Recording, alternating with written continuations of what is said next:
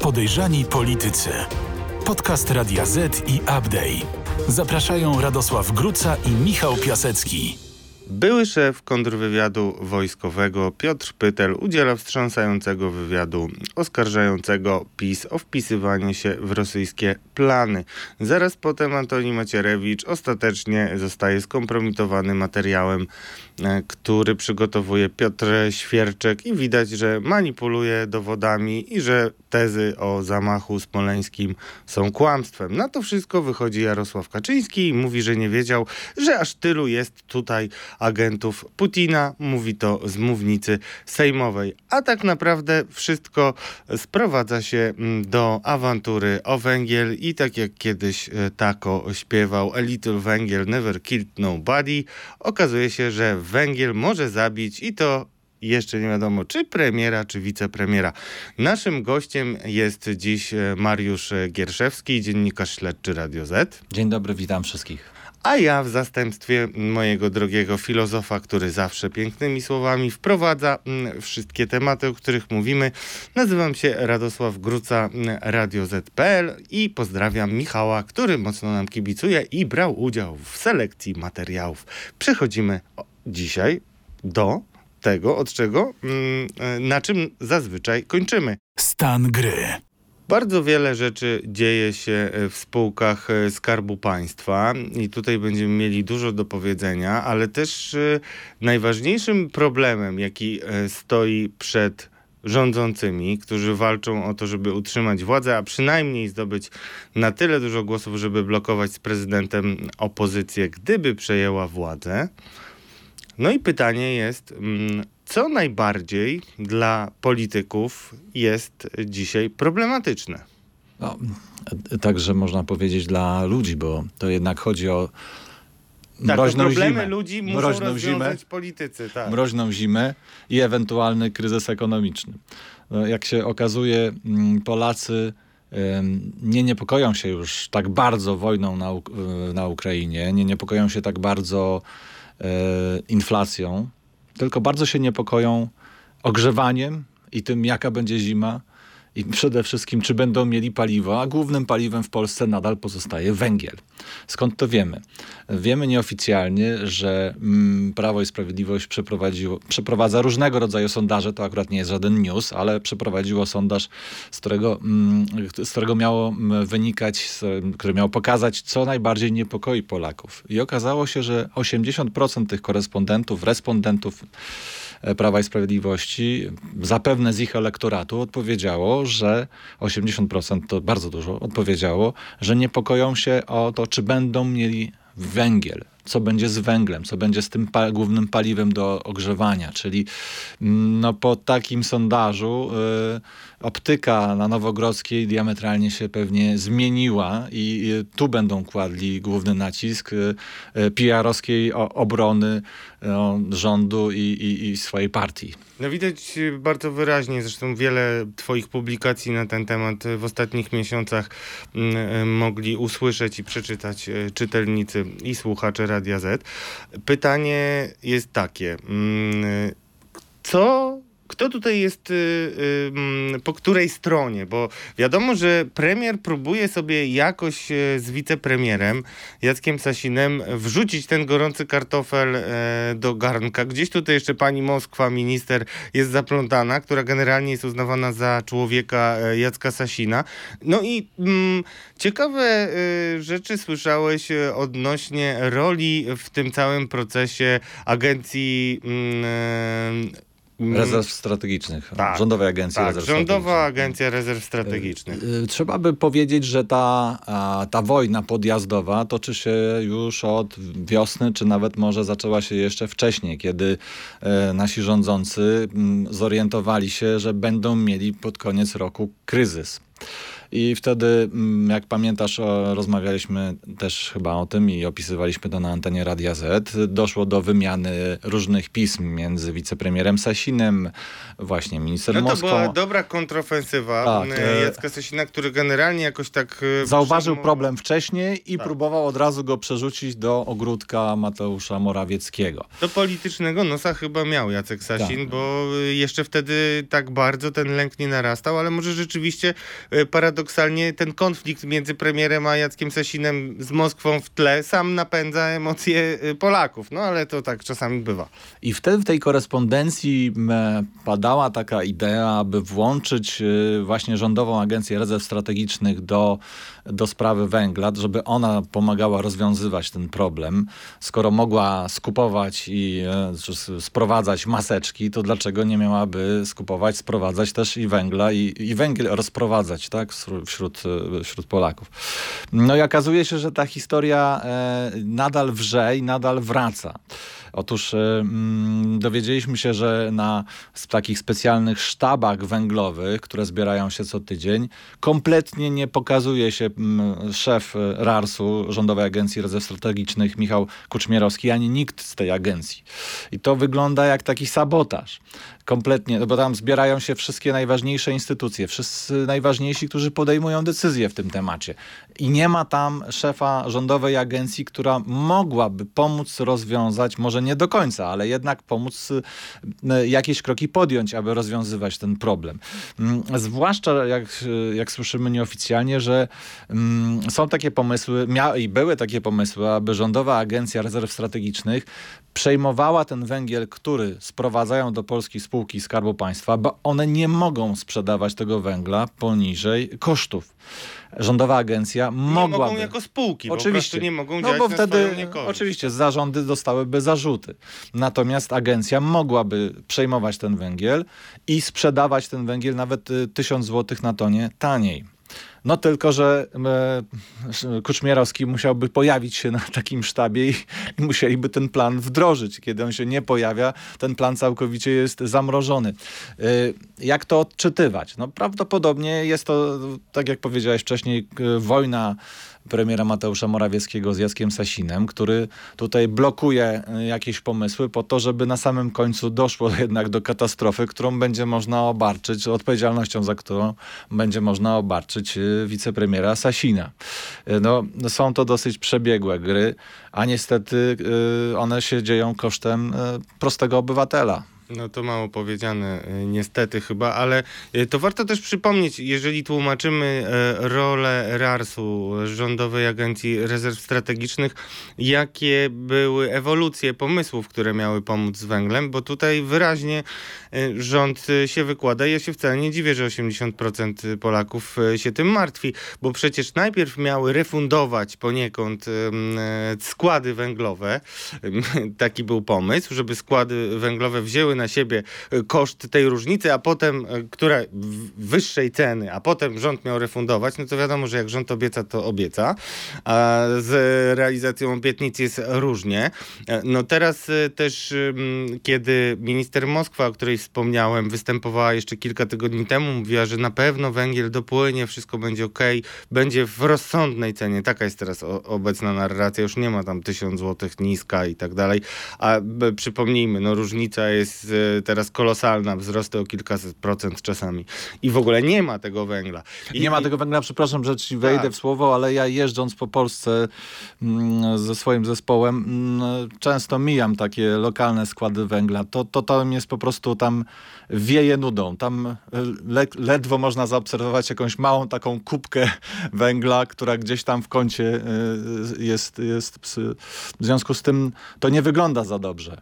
Y, Jak się spojrzy z samego dołu, jak się spojrzy po prostu jeżdżąc po Polsce. No, także głosy Dominika Kolorza, lidera Solidarności Górniczej, który zwraca uwagę na to, że nawet ten węgiel, który przypływa do Polski, to zostaje z niego kilkadziesiąt procent, bo e, większość nie nadaje się do takiego spalania, e, które jest e, potrzebne przez zwykłych użytkowników. No, no to były filmy, które pokazywały, tak, jak, że to praktycznie jest jakiś piach pomieszany z jakimś miałem często, który, no tak, no, no można chyba sobie tylko wyrzucić do ogródka. Trochę desperacka próba podratowania sytuacji i mm, e, PR-owskiego wyjścia mm, z twarzą, przynajmniej pokazania e, się e, odnośnie tego, że Ukraina nam pomoże z węglem, ale też słyszałem o kuriozalnej historii z kanałem na Mierzei Wiślanej, bo okazuje się, że znany wiceminister, który jeszcze niedawno zajmował się w osobnym ministerstwie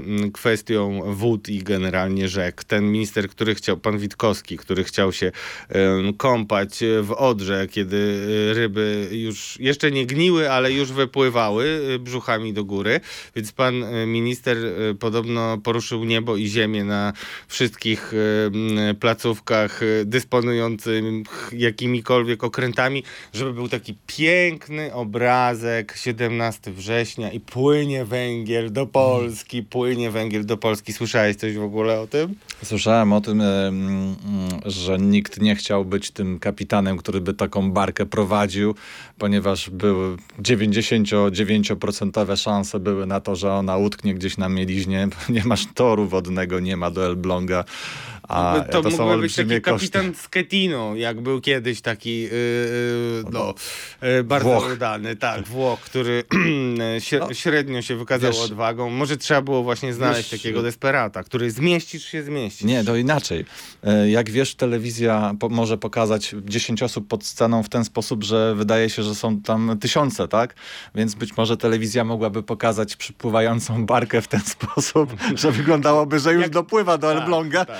Chociaż, jest jak Titanic, ale w sumie... chociaż jest kilka tak. kilometrów dalej. Telewizja by potrafiła to zrobić, tak? No, telewizja y, Kurskiego jeszcze wróci u nas w tych rozważaniach, Ale- czyli Chciałem jeszcze powiedzieć, że już niedługo być może y, wypłynie na światło dzienne pomysł, który też się kreuje w kręgach rządowych, którym na razie jeszcze nie mogę więcej powiedzieć, który nazywa się Hauda Plus. Hauda plus, o kurde. No to strach się bać.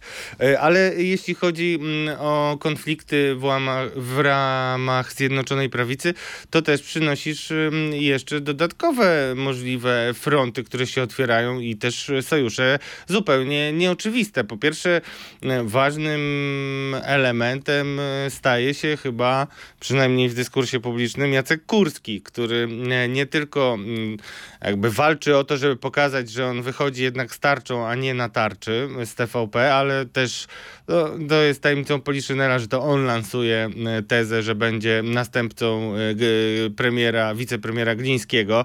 Wydaje się to być mało realne. Dużo jest tutaj chaosu, ale jednocześnie y, no, musimy opowiedzieć o tym, co ujawniliśmy na początku tygodnia. Przegląd kadr. Taka ciekawa kariera Stanisław Bortkiewicz, dyrektor do spraw korporacyjnych e, TVP, szara eminencja, prawa ręka, no różnie się o nim mówi, consigliere Richelieu. E, e, W każdym bądź razie człowiek, który operacyjnie odpowiadał jednoosobowo w zasadzie za telewizję. Wszystkie rachunki, jak słyszałem, przez jego ręce przechodziły, dzięki czemu Kurski mógł swoją aparycję jeszcze rozbudowywać. PR dobry mógł się skoncentrować na budowaniu wizerunku cieplejszego poprzez płodzenie dzieci, y, śluby łagiewnickie i różnego typu y, tańce z Zenkiem Martyniukiem. Albo w jednego dnia być w trzech różnych miejscach. Mm, Otwierać e, jeden pomnik, e, potem być na mszy w innym mieście, a potem jeszcze w trzecim mieście być e, latając helikopterem razem Nie no, z... mistrz, jeszcze tam w międzyczasie samochody służbowe wożące jego dzieci, bo on przecież jako rodzinny tam z Gdańska do Warszawy, to wcześniejsza historia. Joanna Kurska, e, która była, mm, jakiś miałem proces taki, więc mogę powiedzieć, mm, musiałem trochę ubolewać, że napisałem, że była nieformalną szefową rozrywki, ale potem wa- ważny człowiek z zarządu, Piotr Pałka, w innym procesie zeznawał i mówił, że tak formalnie było. Teraz e, ona została szefową pytania na śniadanie i został właśnie Bortkiewicz. No i opowiedz, y, bo ty jesteś tutaj trochę naszym e, orlenologiem, e, co tam się wydarzyło, jeśli chodzi o angaż e, Stanisława Bortkiewicza, bo potem powiem o śmiesznych perypetiach tego tekstu, bo jest to nowa jednak e, historia. Już tropiliśmy nominatów PiS e, w różnych, w różnych spółkach, spółeczkach, a tutaj okazuje się, że mamy jeszcze taki rozkrok na, dwu, na dwa stołki. Zdecydowanie to nas zaskoczyło, tak? Bo e, tropiliśmy to dłuższego czasu. Co tropiliśmy? Tropiliśmy to, że dyrektor TVP Stanisław Bortkiewicz został doradcą zarządu w Orlenie, doradcą do spraw rynku mediów. Za naprawdę, myślę, że dobre pieniądze. No tam Ale- jest między, to mogę powiedzieć Państwu, między 30 a 60 tysięcy generalnie do wzięcia, więc tak y, moi informatorzy y, celują w 45 mniej więcej. To tak, y, oczywiście się nie dowiemy, bo Orlen, y, ym, znaczy mam nadzieję, że dowiemy się po zmianie władzy i to o wielu różnych wydatkach i decyzjach y, pana prezesa Daniela Obajtka. Może w mailach coś będzie, bo już się maile na Mają wypłynąć, rozmowie tak, tak. też pierwsze pokazują. No ale y, no, na czym polega ta y, rozkraczona konstrukcja, y, która chyba zwiastuje, że niektórzy ludzie albo dużo ludzi w tej ekipie po- s- postanowią się skeszować na koniec. To nie, no wydawało się nam, że po prostu Bortkiewicz przestał pracować w TVP i przyjął nową posadę, a okazało się, że nie, że pracuje i tu, i tu. No właśnie teraz możesz powiedzieć, jak do tego doszliśmy. Nie, to w ogóle był szok, powiem Państwu, bo, no, bo to jest no, nowa historia i kiedy odkryliśmy, że jest e, Stanisław Borskiewicz w Orlenie, taki doradca i to media, no to od razu wydawało się dość jasne, dlatego wysłaliśmy e, pytania. E, Orlen oczywiście e, odpowiedział w swoim stylu, nie mamy generalnie nic do powiedzenia, wszystko było zgodnie z procedurami i tak dalej, i tak dalej. Natomiast TVP już w momencie, kiedy tekst był prawie gotowy, nagle zaskoczyło mnie odpowiedzią i stwierdziło, że Stanisław Bortkiewicz nie odszedł z TVP. No i okazało się, no, byłem bardzo zdziwiony, no bo jak, ale wpadłem na pomysł, żeby spytać o to, czy dostał zgodę zarządu, no i okazało się, że dostał zgodę zarządu. Potem po naszym y, newsie y, pojawiły się też takie wrzutki ze strony TVP, które pokazały, że to Kurski y, ewidentnie dał tą zgodę, jeszcze będąc w zarządzie, czyli nie nowy prezes Matyszkiewicz, o którym też, Matyszkowicz, o którym chciałbym, żebyś powiedział dwa słowa, bo ten nowy prezes może się nie nacieszyć za, za długo swoją e, fuchą. Dziwne tam się historie e, dzieją. E, I e, no, okazuje się, że dostał zgodę na te 45. ty- Ja nie wiem, jak on, e, no, nie wiem, może nie ma rodziny, może już się poświęcił całkowicie dla Polski, no bo to nie są regulowane oczywiście czy czasy e, pracy, masz zadaniowość, no ale mm, Przypomnę jeszcze, że Stanisław Borskiewicz poza tym, że był dyrektorem korporacyjnym, to jeszcze jest zastępcą w biurze reklamy. Podobno nie bierze za to e, żadnej dodatkowej kasy. No ale trzeba powiedzieć, że szapoba, no wszystko dla Polski już chyba nie będzie spał nawet, ani jadł. Słuchaj, no to jest to człowiek, który restrukturyzował taki wielki stary zakład Ursus, który współpracował z dosyć kontrowersyjnym politykiem Zygmuntem Brzodakiem. Yy, jest na tej scenie politycznej, czy tam obok właściwie, bo może nie na scenie politycznej, obok zawsze tam gdzieś jest od tylu lat, że myślę, że ma różne umiejętności, które pozwolą mu te wszystkie funkcje łączyć. To ja jeszcze tylko powiem jedną rzecz, o której e, mówił mi niedawno dziennikarz e, Newsweeka e, Mariusz Kowalczyk, bo to też jest ciekawa historia i o którym, o, o sprawie i okoliczności, o której często mówią ludzie, którzy związani byli z branżą rozrywkową i współpracowali z TVP, mianowicie o takich bardzo specyficznych kompetencjach Stanisława Bortkiewicza, a mówię o tych specyficznych kompetencjach, bo jednak gdzieś tam pojawiały się zarzuty, zresztą formułowane ze strony prawicowej, że on miał związki różne ze służbami specjalnymi. I to jest o tyle ciekawa historia, że wyciągnęli mu to dziennikarze m, i żądali wyjaśnień prawicowi, którzy teraz jeden z nich ma nawet program swój w TVP i jakoś to tak ciekawie wygląda. Nie wiem, czy pamiętasz, ale to jest wyjątkowa sytuacja, bo on został oskarżony o to, że jeszcze na wybrzeżu, skąd znają się zresztą z Jackiem Kurskim, miał jakieś dokumenty em, e, e, podpisywać. No i okazuje się, że został oczyszczony e, z zarzutów.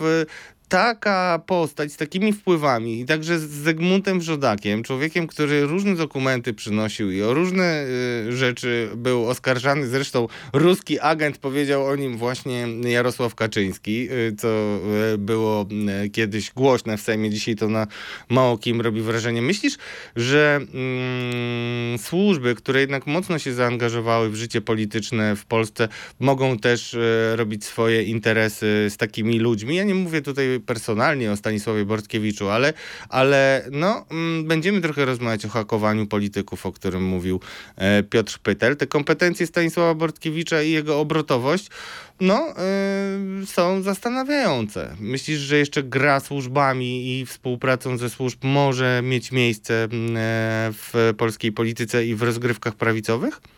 Na pewno, ale czy w tym przypadku tego na to pytanie ci nie odpowiem. No tutaj ale, jest oczyszczony, ale- tak? Ale, jest ale- niesamowity, że potrafi tak...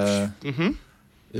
y, służby specjalne uwielbiają takich obrotowych. To dla nich są kluczowe postacie, które, z którymi rozgrywają różne swoje gry operacyjne. No właśnie, bo to jest naturalnym teraz y, przejściem e, do y, tego drugiego sojuszu, bo e, Stanisław Bortkiewicz, który ma takie kompetencje, jakby był super przeszkolony przez służby, a jest też człowiekiem cienia, e, to tylko jedna z takich e, osób bardzo zastanawiających, ale też e, lubi ludźmi związanymi ze służbami otaczać się Daniel Obajtek, który w zasadzie sobie stworzył taki dwór różnych byłych policjantów, oficerów, e, między innymi pan Lasek jest e, szefem ochrony w Orlenie. Jesteśmy pewni, że niedługo będzie jeszcze o nim głośno, E, i, ale Daniel Obajtek musiał załatwić tą pracę e, Stanis, musiał, Musiał się zgodzić musiał na się to. zgodzić i tutaj czy jest jakaś relacja między Kurskim a Obajtkiem, o której warto by było powiedzieć? No, wydaje się, że tak. To znaczy, że te wszystkie plotki, informacje mówiące o pewnym jakimś sojuszu ad hoc zawartym w tym mo- momencie między Kurskim a Obajtkiem przeciwko premierowi Mateuszowi Morawieckiemu, że to chyba może być coś na rzeczy. E, e, No ta właśnie praca Bortkiewicza u Obajtka pokazuje, a Bortkiewicz to jest prawa ręka Kurskiego, no to pokazuje, że do jakiegoś sojuszu między nimi mogło dojść. Dlaczego? Yy, Kurski yy, wydaje się, że uważa, że premier Mateusz Morawiecki maczał palce w jego no, No, takim nieeleganckim zwolnieniu tak, z DVP. Obajtek od dawna mówiło się, że ma duże ambicje polityczne, które wybiegają nawet do funkcji premiera, więc być może mogło dojść do takiego lokalnego, chwilowego, ale jednak e, sojuszu między tymi dwoma panami. E, e, zwłaszcza, że też już o tym wspominałeś, to co się dzieje na Woronicza, to, to też nie jest stabilna sytuacja. No właśnie, to jest ciekawe, y, tym nominatem, co wynika zresztą z maili y, z poufnej mm, rozmowy, o której generał Pytel mówi operacja poufna, ale o tym za chwilę. Matyszkiewicz, Matyszkowicz był mm, no, wspierany przez premiera Morawieckiego, zresztą też przez Pawła Kukiza. Mm, No, taka śmieszna historia y, w wiadomościach się wydarzyła, że nagle się pojawił właśnie były prezes, który się tam y, ściskał y, serdecznie z nowym prezesem, tak jakby poszedł sygnał, że nie, nie, tutaj nic się złego nie zdarzy, nie będziemy wyciągać tych trupów. Stanisław Bortkiewicz nie śpi, bo trzyma szafę, żeby nic nie wypadło. Jak to jest z przyszłością prezesa? Bo tutaj też masz ciekawe mm, w swoich źródłach przesłuchy. Właściwie to można powiedzieć, że tam jest pewna zasłona dymna, bo wydawało się, że Matyszkowicz y, y, jest w kontrze do Kurskiego i że on pójdzie tam posprzątać i dojdzie tam y, do rzezi niewiniątek. To się też pojawiło, bo kilku dyrektorów zwolnił. Ale wygląda to tak w tej chwili, jakby to była pewna, tak jak powiedziałem, zasłona dymna i tak naprawdę on nie zrobi kuku współpracownikom Kurskiego, nie odetnie tam wielu spraw, które zapoczątkował Kurski i będzie ko- pewna kontynuacja, bo też można to medialnie zobaczyć y, w jego wypowiedziach dotyczących imprez y, organizowanych przez TVP. Najpierw y, była jakaś zapowiedź, że ten Sylwester Marzeń to nie wiadomo, przecież Matysz, Matyszkowicz y, nie jest takim fanem Zenka Martyniuka i Disco No Polo. właśnie była nadzieja, że y, Wojtek Krzyżaniak, były y, naczelny Gazety Telewizyjnej, mówił, że jeżeli ma być jakaś zmiana, to nie przewidywał zmian kursu, ale liczył na to, że chociaż disco polo uda się wywalić, bo jednak... A nie, ale jednak nie. Sylwester Marzeń zostanie. Podobna sytuacja była z wielkim koncentr- ko- koncert, koncertem, który ma się zaraz odbyć y, z okazji właśnie tej uroczystości przekopu, Miał otwarcia się odbyć, przekopy. żeby przegrywać temu statkowi, który Miał się miał odbyć, tą hałdę. Potem wiesz. miał się nie odbyć, a teraz już słyszymy, czy piszą o tym wirtualne media, że jednak się odbędzie. Aha. E, więc e, tutaj e, nowy prezes jest trochę jak chorągiewka. E, Jak to interpretować? Skąd to się może wziąć? No, e, według moich informacji jego prezesura nadal nie jest pewna. Nadal w trakcie spotkań na Nowogrodzkiej są rozmowy, które dotyczą tego, kto ma być prezesem. Czy Matyszkowicz ma być tylko PO prezesa, czy też ma zostać na dłużej. Są tam różne podchody. y, Mówi się, że, o tym, właśnie, posłanka? Joanna Lichocka Po- bardzo chciałaby. Bardzo do oka. Y, Jest też jeszcze jeden kandydat, o którym nie mogę na razie powiedzieć, który się objawił, który też walczy. Więc ym, y, na Woronicza jeszcze będą zmiany. Tak można to podsumować. Posłanka, coś mi wpadło do oka, y, no to, to rzeczywiście by było ekstremalne, aczkolwiek e, wierzy mm, w swoje siły.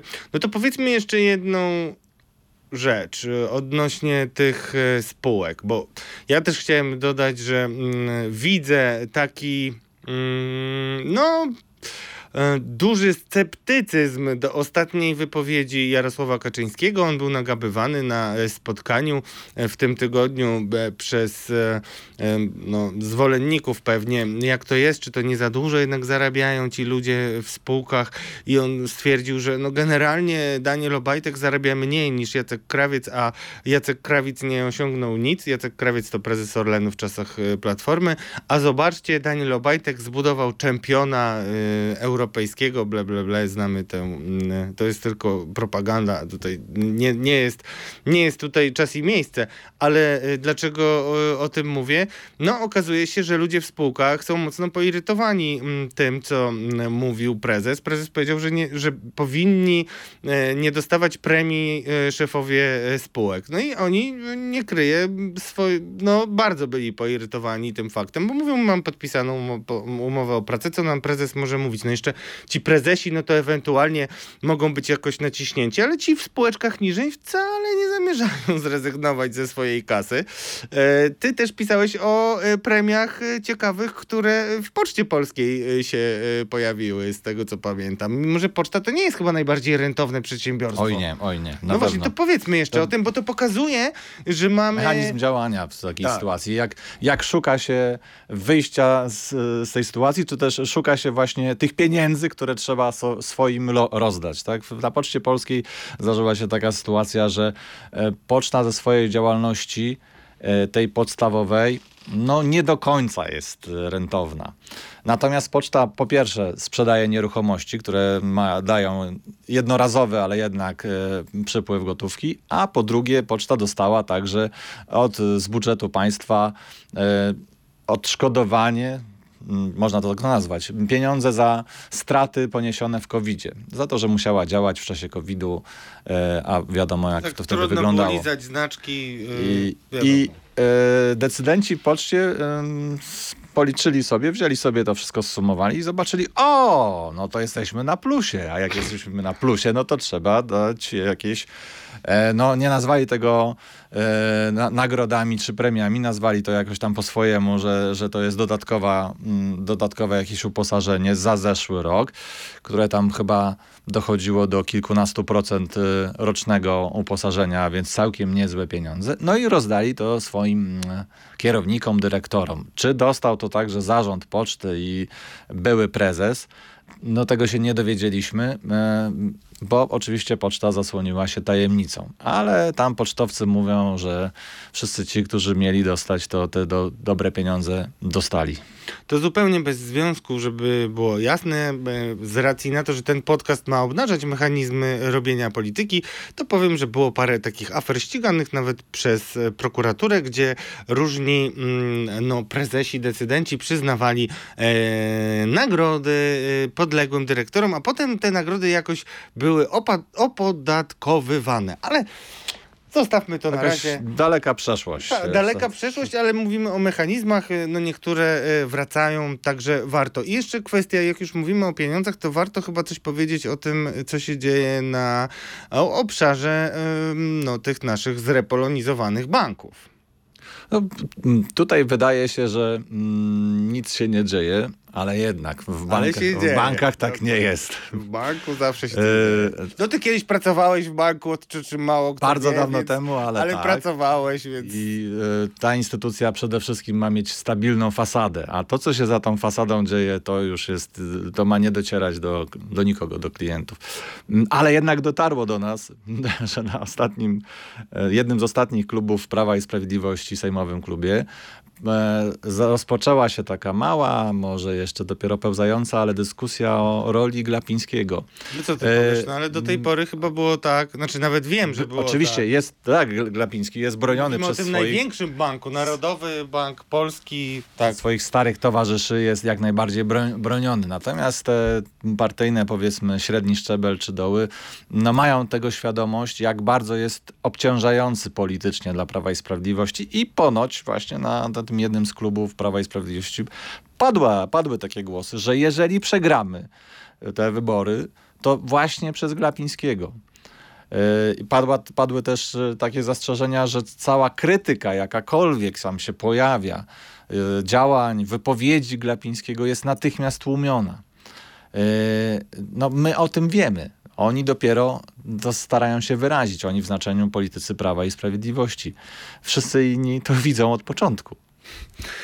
No właśnie, to, ale to jest niesamowite. Y, Ja tutaj y, też chcę powiedzieć o tym, jak y, patrzy na to Vox Populi, bo swego czasu napisałem w Okopres tekst, który no, zatytułowałem Runą mit wielkiego stratega, opierając się na wypowiedzi polityka PiS, który mówił w kuluarach jasno, że ta historia z Trybunałem Konstytucyjnym, przepraszam, Trybunałem Julii Przyłębskiej, ja będę konsekwentny, i decyzją w sprawie aborcji, no pokazuje, że Jarosław Kaczyński już nie jest e, strategiem, najwyżej jest taktykiem i coś się niedobrego z prezesem działo i ten tytuł zrobił pewnie tak, takie wrażenie, że najwięcej wtedy subskrybentów pozyskało Okopres, ale y, dlaczego o tym y, wspominam? Nie tylko z wrodzonej skromności, ale mm, dlatego, że to jest pewien e, no game changer nawet, taka emocja w PiSie, która się pojawiła, która no mm, nie pozwala milczeć i coraz głośniej się mówi y, krytycznie o działaniach prezesa, a wiadomo, że Adam Glapiński, gdyby nie to, że prezes, i to też chyba mówimy po raz pierwszy, osobiście obdzwaniał tych posłów, osobiście obdzwaniał i prosił, żeby głosowali za, prosił w ogóle, że prezes prosi o coś, słuchaj, e, i prosił o to, żeby głosowali za Glapińskim, no to to jest istotny faktor polityczny. Jak ty to odbierasz? Bo, bo, bo, bo jeszcze mówienie do dziennikarzy, no to jest ten etap, powiedzmy, no może coś tam nagadać, jeżeli ufa dziennikarzowi, ale jak już pada to na klubie, no to to jest e, istotny sygnał. No tak, no wiesz, y, te doły polityczne, jeżeli y, obawiają się tego, że mogą stracić e, udział w torcie politycznym w wyniku przegranych wyborów, to te doły polityczne są świadome tego, że dla nich nie będzie miejsca na tej arce Noego, którą będzie e, Narodowy Bank Polski po ewentualnej zmianie władzy, tak? To tam pójdą ci czołowi politycy pracować i, i, i, i, i po prostu prze, dla, na przeżycie, tak? A te doły partyjne tam nie pójdą, dlatego no, są coraz bardziej, myślę, że wkurzone, że jest, y, że kierownictwo nie widzi, czy nie chce widzieć y, tego, jak, jak bardzo dużym obciążeniem dla nich jest y, prezes NBP. Niezwykła mozaika w przeglądzie kadr, mozaika... I mamy jeszcze jedną mozaikę, przepraszam, że Tak. ci wejdę w słowo, bo y, jednak za fasadą drugiego państwowego, dużego banku y, PKO BP też dzieją się bardzo ciekawe rzeczy. Tam doszło do z wymiany prezesa w wakacje. Y, odeszła pani Iwona Duda, prezes Iwona Duda, Mówiło się, że między innymi dlatego odeszła, że była przeciwna podnoszenia oprocentowania lokat. E, A teraz okazuje się, że ta sprawa wraca. Obecny prezes Paweł Duda miał e, skarżyć się na Nowogrodzkiej, że są ludzie w zarządzie banku, którzy blokują mu mm, właśnie podnoszenie oprocentowania lokat. Myślę, że ta historia będzie miała jeszcze kolejne otwarcie, że to się na tym nie skończy i być może dojdzie tam do, do roszad personalnych mm, w zarządzie banku. E, a przecież tam są też y, czołowi politycy Prawa i Sprawiedliwości z przeszłości w zarządzie banku, więc myślę, że tam może dojść do kolejnej jakiejś takiej bratobójczej wojny. No to tak podsumowując, bo widzimy tę pazerność narastającą, pazerność, która być może wynika z tego, że niektórzy boją się, że się nie załapią już i będą przez pięć lat musieli głodować albo y, mieszkać w swojej spiżarni, y, barykadując drzwi, żeby żadne służby tam nie za, za, zapukały. Oczywiście celowo przejaskrawiam, ale czy to jest tylko element y, takiej karuzeli, która chyba ma się jeszcze raz przynajmniej zakręcić przed wyborami na najwyższych stanowiskach y, w spółkach? No bo to wiadomo, kiedy zmieniasz, to z jednej strony dopuszczasz do chlewiku, ko, y, przepraszam, do koryta, tak to się kiedyś powiedziało, kolejnych no, złaknionych, wypuszczonych i nie wypuszczonych, zgłodniałych polityków, a z drugiej strony jeszcze inkasujesz odprawę, prawda? No bo Jacek Kurski odchodząc zainkasował odprawę. Tutaj też opowiadaliśmy z Michałem ostatnio o Waldemarze Chumięckim, też głośnej postaci szef Kowru, który odchodząc z Orlenu został odwołany, dzięki czemu dostał y, premię 80 tysięcy i tak dalej, i tak dalej. Myślisz, że teraz się zakręci tak, y, ta karuzela, czy to są znowu wewnętrzne y, tarcia poszczególnych frakcji? Nie, myślę, że tutaj jest, są tarcia poszczególnych frakcji, ale też ta karuzela też może się pojawiać. To, to, to wiem, że odpowiadam i tak i nie, ale e, patrząc z perspektywy wielu lat, e, jak jesteśmy dziennikarzami, to te karuzele zawsze przed e, zmianą władzy już pachniesz mi symetrystą, Eee. uważaj, bo ja tutaj... się pojawiały. Więc po pierwsze jest to jakby, jakby immanentna cecha być może systemu politycznego, w którym jesteśmy. To Paweł Kukiz zabrzmi. A, a, a po drugie myślę, że myślę, że jednak e, te walki frakcyjne będziemy teraz przez najbliższe miesiące obserwować już tak ostre i że nie da się ich schować pod dywanem. Zobaczymy, drodzy Państwo. Dużo się dzieje mm, w sondażach między opozycją a PiSem. Były już takie badania, po pierwsze, które pokazywały no, niewielką różnicę, taką oscylującą nawet mm, wokół e, błędu statystycznego. Też były wybory mm, e, lokalne, gdzie PiS i nominat, poseł PiSu, no, nie wszedł do drugiej tury, co jest uznawane za porażkę, a jednocześnie jeszcze Donald Tusk y, chwalił się sondażami, które rzeczywiście są dużą zmianą, czyli mm, sondaże w tej grupie najmłodszych wyborców. Tam bardzo często takie ekstremalne y, y, ugrupowania mm, zyskiwały. Korwin był kiedyś super idolem y, młodzieży, Konfederacja, a teraz okazuje się, że Platforma y, liderem y, samodzielnym. Donald Tusk też y, w Poczdamie dzisiaj będzie starał się zrzucić z siebie trochę odium tego bycia Niemcem. Für Deutschland, jeszcze wraca nam Kurski. E, Czy, to, czy, to, czy ty widzisz w ogóle mm, zmniejszający się dystans? Bo e, Platforma no, zyskuje e, wiatr w żagle. Mierzy się z największym problemem, czyli tym, tą niemieckością, że tak powiem, bardzo y, szyderczo y, Donalda y, Tuska. Czy ty y, uważasz, y, że PiS będzie miał jeszcze na to jakąś swoją odpowiedź?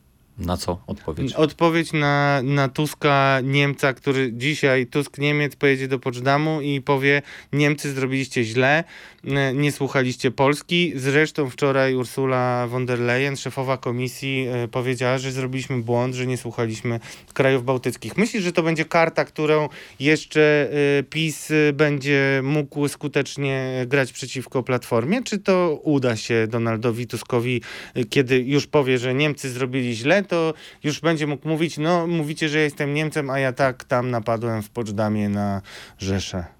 E, Czyli po prostu, czy się uda Tuskowi zwekslować? ten Tak, temat? dokładnie, Myślę, dokładnie. że się nie uda. To znaczy, że po prostu PiS, po- politycy PiSu e, nie zauważą tej wypowiedzi. Nie, nie, nie będą chcieli jej komentować. E, telewizja ja publiczna, ja telewizja publiczna e, No, telewizja kompletnie publiczna- pominie, więc jakby to nie będzie istniało. Telewizja publiczna to prawda, ale muszę powiedzieć, że już e, zauważyli, bo jadąc tutaj, e, wysłuchałem też kilku e, rozmów e, z pisowcami w mediach publicznych i tam jest, no Donald teraz zobaczył, że sondaże pokazują, że on musi się tutaj przyłączyć do reparacji musi popierać nasze nasze żądania, dlatego mimo, że on tak w głębi duszy to jest Niemcem, to tak na zewnątrz będzie pokazywał, że jest inaczej. Pytam nie, nieprzypadkowo, bo mówi się też dużo o tych planach e, zmian ordynacji. To zresztą też e, przy dużej mierze, mm, w dużej mierze dzięki Jackowi Kurskiemu, który mocno tam Naciskał na to. naciska na to. Ale e, gdyby była zmieniona ordynacja, to to z kolei by mogło skłonić e, opozycję do tego, żeby się dogadać i iść w jednej liście. Jak tam na twoje przesłuchy e, myślisz, że to w ogóle jest e, możliwe? Bo to jest taka skomplikowana trochę historia, ale warto ją mm, uporządkować. Z jednej strony mamy PiS, który chciałby zmienić ordynację. Tutaj na przeszkodzie stoi prezydent y, Andrzej Duda, który też... Ale dlaczego zmienić ordynację? Po to, żeby sobie zrobić dobrze. Oczywiście, żeby sobie zrobić dobrze, ale na to zaciera ręce mm, opozycja i mówi, no to my pójdziemy powiedzmy dwoma dużymi blokami, może nawet jednym i wtedy y, zbierzemy premię e, z Donta i będą leżeć na łopatkach. A z drugiej strony PiS mówi, no niech tylko się zjednoczą, będzie łatwiej i dochodzę do tego, o czym mm, mówiłem, to tego, czy uda się e, Tuskowi zwekslować, e, e, czy zneutralizować te ataki, bo PiS jest przekonany i szczerze mówiąc ja podzielam e, to przekonanie, znam też e, ich e, no, źródła tego przekonań, e, przekonania, e, że jeżeli będzie jedna lista, no to to odium niemieckości Tuska, tak nazwijmy, i cały bagaż oskarżania go o wszystkie zło, o całe zło tego świata spowoduje, że lista będzie jednak e, no, obciążona. Spłynie na listę. Tak, Tak, spłynie na całą listę. Myślę, że tutaj plan Tuska jest jasny, czyli właśnie tak jak powiedziałeś, zrzuca z siebie to odium. E, I bardzo szybko chce właśnie, żeby doszło do tej konsolidacji. Według tych nie- nieoficjalnych informacji płynących tam z otoczenia Tuska, Tusk postawił twardo, że już od początku roku rusz, ma ruszyć machina, czyli od początku roku ma dojść już, na samym początku roku ma dojść do tej konsolidacji opozycji, do wybrania liderów i do tego, aby ruszyła machina z, z logo, z szyldem jakimś odpowiednim i tak dalej.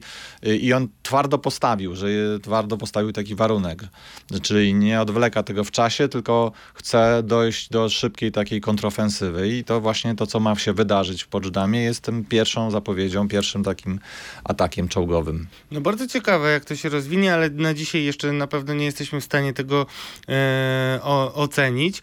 E, nie wiem, czy Państwo wiecie, ale Mariusz jest dziennikarzem śledczym i uważa, że się nie zajmuje polityką generalnie, czyli nie, nie wchodzi w takie arkana różnych przepychanek, więc nie będziemy ciągnąć cię e, za język, ale bardzo. o jedną, o jedną, to jest ciekawa historia, ale o jedną rzecz muszę cię spytać i y, spytam cię y, już, y, kiedy będziemy analizować wydarzenie tygodnia. Wydarzenie tygodnia. Wydarzeń tygodnia y, można było w- by wskazać przynajmniej kilka, ale ja skoncentruję się na jednym, bo wydaje mi się, że to jest wydarzenie, które w zasadzie jest postawieniem kropką na D. A chodzi mi o reportaż Piotra Świerczka w Czarno na Białym, TVN24, Siła kłamstwa. E, pokazał reporter jasno, czarno na białym, że Antoni Macierewicz manipulował dowodami, ukrywał dowody, e, które sam zamawiał, zresztą miliony to kosztowało. Chodzi o takie badania dotyczące innymi trajektorii lotu, czyli wytłumaczmy tylko w dwóch zdaniach, że Antoni Macierewicz uważa, że samolot był wyżej niż był tak naprawdę i że spadł, bo był tam wybuch. Albo trzy wybuchy, albo pięć, no, albo dwa. Różnie to bywało z tymi wybuchami. Jest ich e, e, liczba jest e, e, Jak z inflacją u Glapińskiego. ta, o, to mniej więcej tak, sześć będzie albo osiem. No to Ale uważam, tak, że może Dwa, jednak nie. trzy, tak. Znaczy, oczywiście znaczy, trzeba to wyśmiewać, ale y, politycznie jest to temat poważny, no bo też sprowokował do tego, żeby mm, prezes wyszedł i, i mówił o ruskich agentach. Zaraz bym chciał to podsumować, ale skoncentrujmy się na tym Macierewiczu, bo Macierewicz jest pod obstrzałem. Na Twitterze, w tej bańce trochę dziennikarsko-politycznej jest y, numerem jeden w trendach y, już któryś dzień, tylko spada, wraca, spada, wraca, więc widać, że to emocje wywołuje.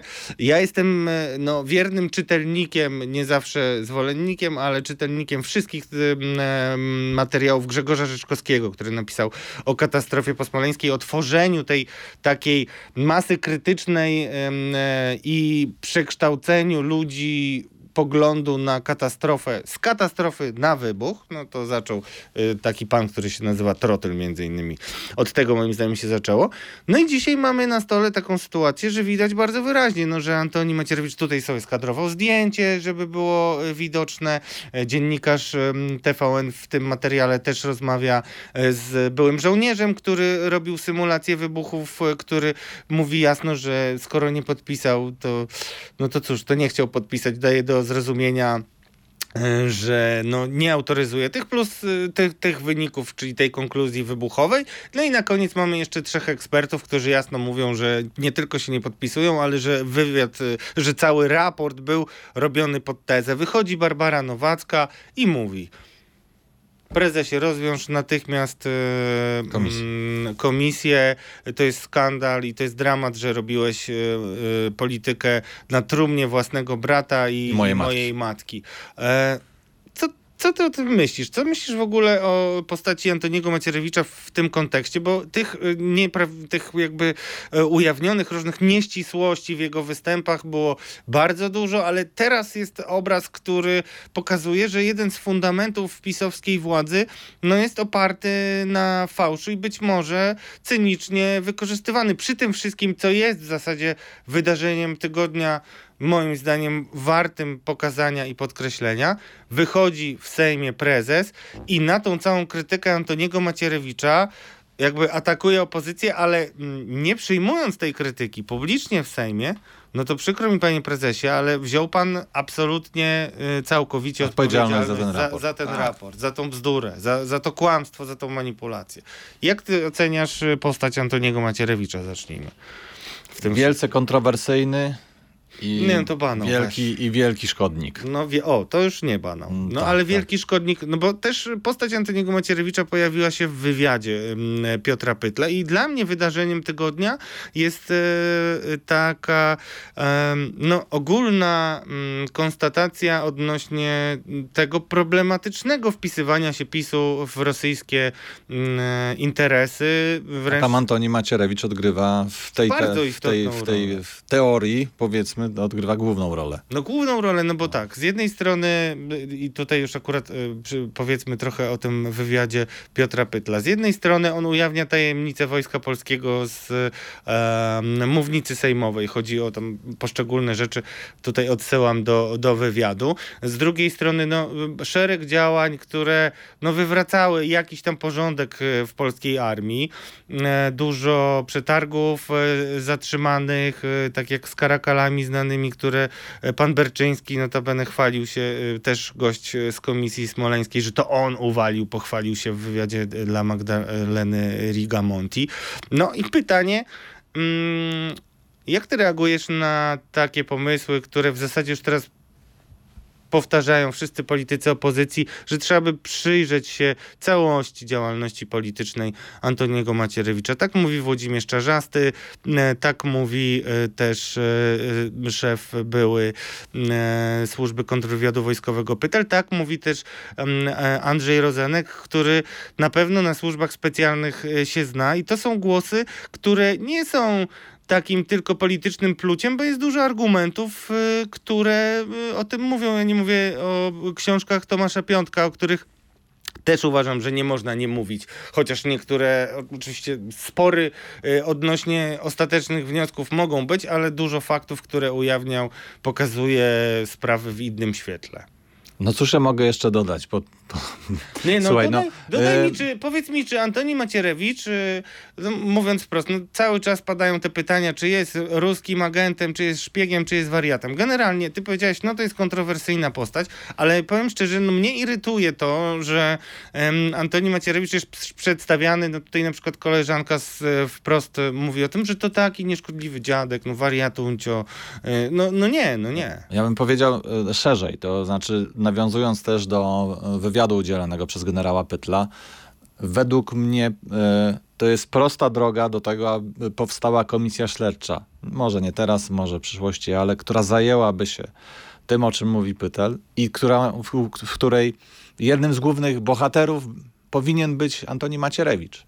I prześwietlenie jego działalności, ale nie tylko teraz w rządzie, ale wcześniej, No, to, to jest podstawowe pytanie, bo ono otwiera jakby kolejne historie. Jeżeli, jeżeli coś w, w przeszłości Macierewicza i w jego działalności taka komisja by znalazła, to otworzyłoby to naprawdę duże wrota do, do nies, niesamowitej, niesamowitej historii, która tłumaczyłaby wiele dziwnych rzeczy, które zdarzyły się mm, w naszej polityce. Więc Antoni Macierewicz powinien być podstawowym bohaterem Komisji Śledczej.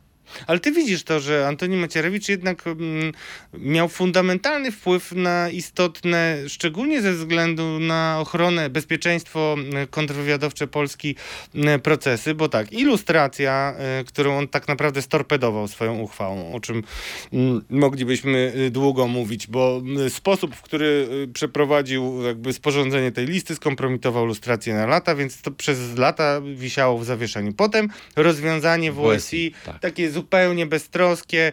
Y, niektórzy, jak Tomasz Siemoniak, sugerują, że mogło to się skończyć nawet tragicznie dla naszych współpracowników za granicą, bo nasze, nasi agenci byli ujawnieni, łatwo było potem ich współpracowników.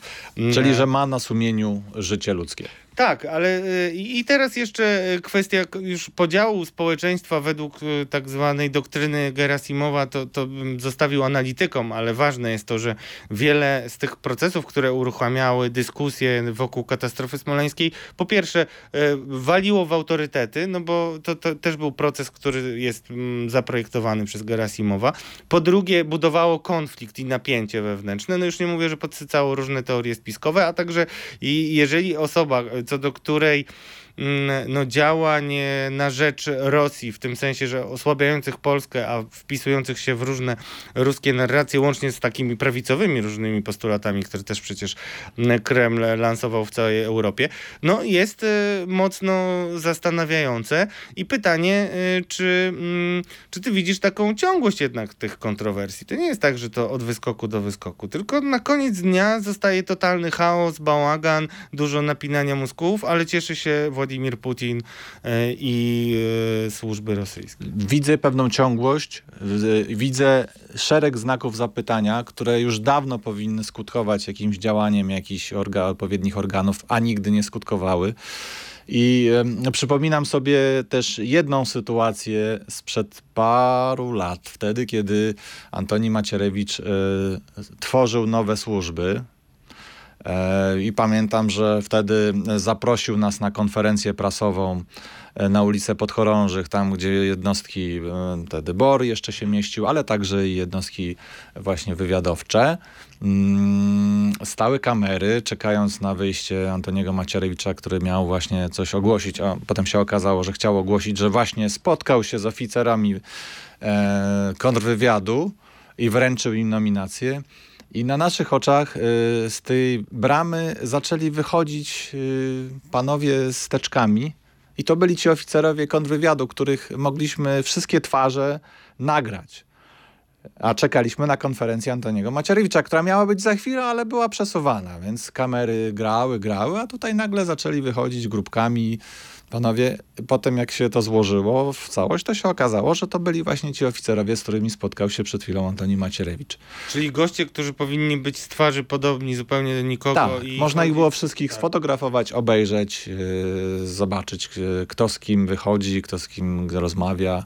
To są kluczowe informacje dla, dla obcych wywiadów. Jest, dokładnie, a I, takich wypadków jest dużo No i więcej. teraz pytanie, czy to była niefrasobliwość, głupota, Mm, nie, czy dla coś mnie, więcej? Dla mnie ja uważam, że to jest coś więcej, bo jest za dużo y, tego typu przesłanek. Ja jeszcze tutaj chcę powiedzieć odnośnie tego manipulowania materiałem dowodowym.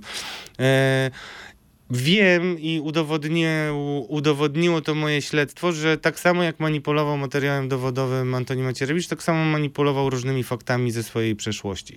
Między innymi bardzo głęboko zbadałem historię jego ucieczki rzekomej z, z internowania, która okazała się być kompletną bzdurą i w tym wszystkim jeszcze pomagało mu tuszować tę historię e, e, no, kilka komórek w Instytucie Pamięci Narodowej, gdzie on ewidentnie kłamał, nie wiadomo co robił po tej ucieczce, ucieczce. E, dotarłem do osoby, która organizowała mu tą ucieczkę, która teraz mieszka w Stanach do kobiety, która mi dokładnie opowiadała, jak to wyglądało.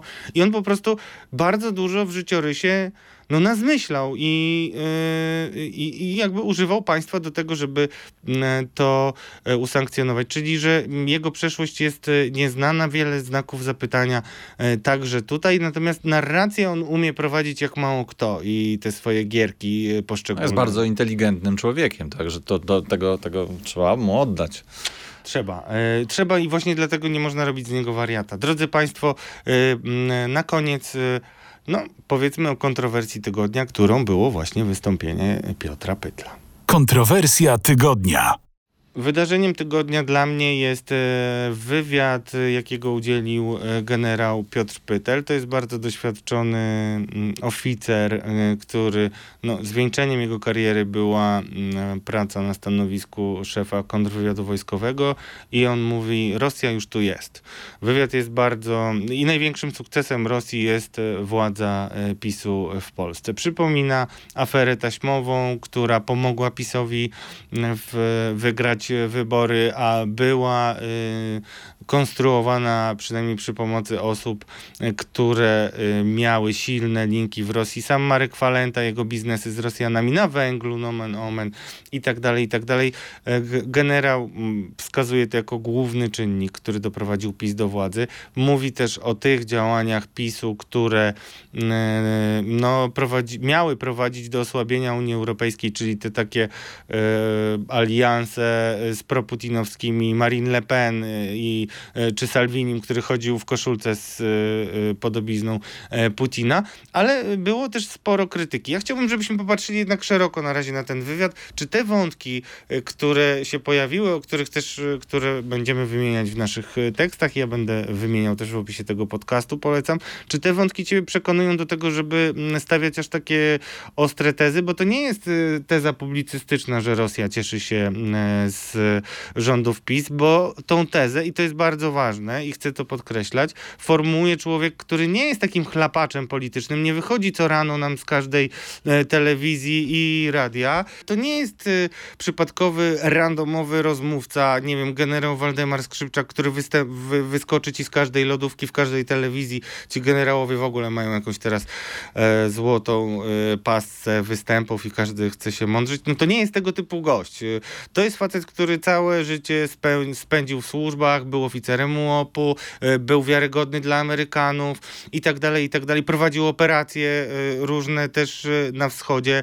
Wywiadów udziela rzadko, bodaj nie wiem, czy mm, 10 udzielił w ciągu kolej, w ostatnich wszystkich lat. Teraz Donacie Słubotko mówi, te, mówi takie twarde rzeczy. Czy ty uważasz, że można to bagatelizować? Bo mm, niektórzy podchodzą do tego jak do takiej byle wypowiedzi człowieka, który jest jeszcze sfrustrowany, bo był tak, e, bo był w zasadzie politykiem Platformy. Ci wszyscy ludzie, którzy rządzili służbami e, w optyce PiSu są przedstawiani jako ci, którzy tak naprawdę służyli tej e, formacji, a nie służyli państwu polskiemu. Zapomina się o tym, że oni mają za sobą kilkadziesiąt lat służby. Jaka jest Twoja opinia? Jesteś dziennikarzem śledczym, znasz te problemy, z którymi dziennikarze ujawniający podobne historie się borykają. Słuchaj, no ja staram się zawsze e, zbadać poszczególne elementy danej wypowiedzi i odnieść to do mojej wiedzy. I tutaj znajduję bardzo wiele rzeczy, za którymi ja też chodziłem czy śledziłem. E, na przykład e, cała sekwencja dotycząca afery w podsłuchami w restauracji To co Sowa. takiego w tobie, E, no, co, co, na ciebie jeżeli- zrobiło, co na tobie zrobiło wrażenie? No duże wrażenie zrobiła ta wypowiedź generała, który mówi o tym, że podsłuchy były zainstalowane w kilkudziesięciu restauracjach. Myśmy, ty też, jak badaliśmy tę sprawę, wiedzieliśmy o kilku restauracjach, a tu okazuje, ale mieliśmy poczucie, że to, to jest za mało, że tego było więcej, że to wyglądało na zaplanowaną pewną operację. Nie tam wpadka i głupi pomysł właściciela jednej restauracji, który chciał mieć jakieś haki biznesowe na swoich e, tam klientów, tak? To wyglądało na szeroko zakrojoną, przemyślaną akcję. I e, generał o tym mówi co w moich oczach uwiarygodnia, uwiarygadnia tą całą szeroką tezę. Mm, I znalazłem jeszcze parę takich elementów, które uwiarygadniały, które pokazywały, że yy, no, on ma to przemyślane. Oczywiście można się nie zgadzać ze wszystkim, Zaraz, zaraz możemy tutaj się poboksować troszeczkę o to, czy można e, mówić wprost, że premier Morawiecki No Właśnie, jest ale czy on agentem. mówi wprost? Czy on mówi Eee. wprost? On mówi, że opiera się na swojej analizie, nie mówi... y, Ale pamiętaj- stawia, stawianie e, takiej zdecydowanej tezy, no jest dla mnie jest nieprzemyślane. Ale on zdecydowanie to chyba stawia jeśli, tylko jeśli chodzi o, o, o Dworczyka. To znaczy pyta oczywiście jak to się stało, skąd się wziął ym, Morawiecki i tak na przykład i tak dalej, i tak dalej, ale głównie wskazuje na Dworczyka jako tego, który po pierwsze w samej skrzynce y, prowadził korespondencję na tematy, które nie powinny być absolutnie mm, w otwartych kanałach, czy też nieszyfrowanych podnoszone, które mogły być złamaniem e, mm, klauzuli ściśle tajne, e, które dotyczyły ważnych ze względu na obronność tematów dotyczących zbrojeniówki, poszczególnego uzbrojenia i tak. I to jest jeden z wątków, a drugi z wątków to to, że on cały czas nie jest w żaden sposób podsunięty, więc cały czas ulega wpływom. To, to, to, to jest e, kluczowe. A jak wiemy, były tam e, dowody i była tam możliwość postawienia Dworczykowi zarzutów. E, to nie jest to wiedza powszechna, ale wiedza, która istnieje w środowisku dziennikarskim, prawda? A mimo to nie zdecydowano się. E, Słuchaj, rze- rze- rzeczywiście e, postać Dworczyka kluczowa w całej tutaj aferze, już teraz mówimy o aferze z mailami. Mm, Natomiast odnosząc się do tego, co powiedziałem wcześniej, nie stawiałbym takich, e, takiej daleko idącej tezy w przypadku no, premiera. No jednak e, w przypadku premiera kluczowej postaci e, polskiego rządu na arenie międzynarodowej no nie, może, nie można stawiać tak daleko idących tez bez, po- bez kroków kolejnych, czyli sprawdzenia dowodów, śledztwa i tak dalej, i tak dalej. To powiedz to prezesowi, który y, wychodzi, prezesowi Jarosławowi Kaczyńskiemu, który Ale wychodzi... nie chcemy stosować wychodzi, metod... y, Oczywiście, ale zwróćmy, ale zwróćmy to uwagę, że jedyną odpowiedzią, która nie jest żadną odpowiedzią na te zarzuty dla Antoniego Macierewicza ze strony, odpowiedzią ze strony Jarosława Kaczyńskiego jest wyjście i powiedzenie jest tu tyle agentów Putina. No nie ma problemu, tak? 460 posłów, no z tego połowa mniej więcej opozycji. To ja bym chciał, panie premierze, żeby, panie prezesie, panie Jarosławie Kaczyński, żeby pan pokazał mi chociaż dwóch wreszcie, dobrze? Bo tak czekam na tych ludzi z mafii VAT-owskiej jakoś się nie doczekałem, żeby znaleźć kogokolwiek, ani znaleźć to z ukradzione miliardy, więc poproszę panie prezesie, poproszę Mariuszu Kamiński, e, ministrze, koordynatorze, o dwóch takich agentów, e, a nie tylko takie plucie e, z trybuny, bo to mnie jeszcze e, mocno e, e, irytuje. Ale generalnie, bo były takie tezy ze strony prawicowych publicystów.